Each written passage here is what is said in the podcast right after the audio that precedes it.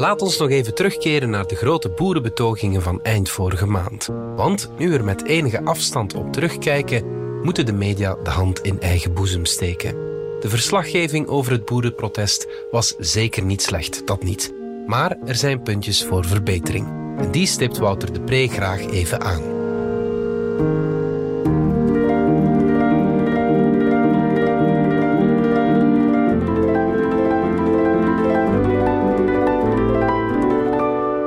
We over naar Brussel voor een live interview van op de boerenbetoging. Ja, eh, inderdaad. Zo, boer. Hier zijt je dan ver van uw erf. In het grote Brussel. Eh, van het veld naar de hoofdstad. Hoe voelt het met uw laarzen op de stenen? Zal wel verschieten, zij zeker dat ze niet wegzakken in de modder. In de mest. In de moddermest. Wel, goh. Ik kom twee wekelijks naar Brussel met familie en vrienden. Eh, ik hou van verfijnd eten en je hebt hier heerlijke restaurants. Maar ik kom meestal in het weekend. En nu ben ik hier ook eens op een weekdag, inderdaad. Nou, je houdt van vrije uitloop, zeg maar. Je wilt niet in uw krappe kot opgesloten zitten. Ik hou van de stadslucht, zeker. En van de voorstellingen in de KVS, ja, die kunnen me ook vaak bekoren. Maar vandaag komt je dus uw vuile poten in de lucht steken in de hoofdstad. Uw eeltige knuiste zakkeren schudden in de lucht tegen de elite die u verstikt met hun maatregelen. Voor u zouden die allemaal zelf mogen stikken in het stikstof. We komen onze mening meedelen over bepaalde punten van het beleid, inderdaad. Als dat is wat je bedoelt. En daarom zijt gij speciaal met uw ronkende tractor naar de grote stad gekomen... om die ministers de diesel eens goed te laten ruiken. Ik kwam met de trein vandaag eh, om in overleg te gaan met de beleidsmakers. Dat klopt. Gevoelt de gemolken toch? Daarom zijt gij hier toch, omdat jullie zich gemolken voelen. De warenhuizen zetten u het slachtmes op de keel. Ze roven u het vet van de kotelet, zeg maar. Ja toch, hè? Uh, als je bedoelt dat we graag een eerlijkere prijs zouden krijgen voor onze producten, dat klopt, ja.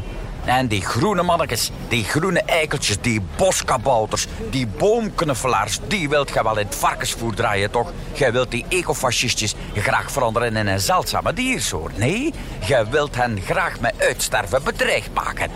We leggen wel eens andere accenten dan de natuurbeweging, dat klopt inderdaad. Daar willen we heel graag de beschaafde dialoog over verder kunnen zetten. Dus je wenst een mond en klauwzeer toe, toch? Je zou ze wel eens op uw riek willen spiezen... en ze dan naar het midden van uw erf dragen... om ze daar in de grote stikkende mest op te duwen... tot ze stikken in de stront. Nee? Uh, dat is zwaar overdreven. Dat zou een weinig galant gesprek zijn. Uh, ik vang mijn mest ook al twintig jaar op in een mestkelder. Je kunt het niet uit en dat is het natuurlijk. Uw emoties zitten verborgen onder een dikke laag eelt van het vasthouden van uw schop. Een schop? Uh, nee, niet meer. Ik zet machinaal plantgaten en verder laat ik de bodem met rust om de voedingsstoffen vast te houden in de bodem. Boerenverstand gebarst van het gezond boerenverstand. En voor op de middag hebt je beenesp mee. Een dikke schel beenesp die je op het zelfgebakken brood van de boerin zult leggen. Op de dikke boterhams die je subiet met het mes van uw brood zult snijden met gevaar voor eigen leven. Een echte, heerlijke, zelfgebakken dikke boterham met beenesp. Wel, ik heb een broodje gehaald in de panos daarnet. Vegetarisch. Ik eet graag gezond. En ik weet hoe het allemaal gekweekt wordt, dus... Eh, en daarna ga ik stilletjes terug naar Aalter. Rechtstreekse verbinding met de trein, makkelijker kan het niet. Eh, bedankt voor het aangename gesprek. Je hoort dat daar in de studio. Ze zijn woest, onze boeren. Hun ongenoegen borrelt als een volle aalput. Ze spuiten een kwaadheid over de hoofdstad als de beer over de velden. De over naar de studio.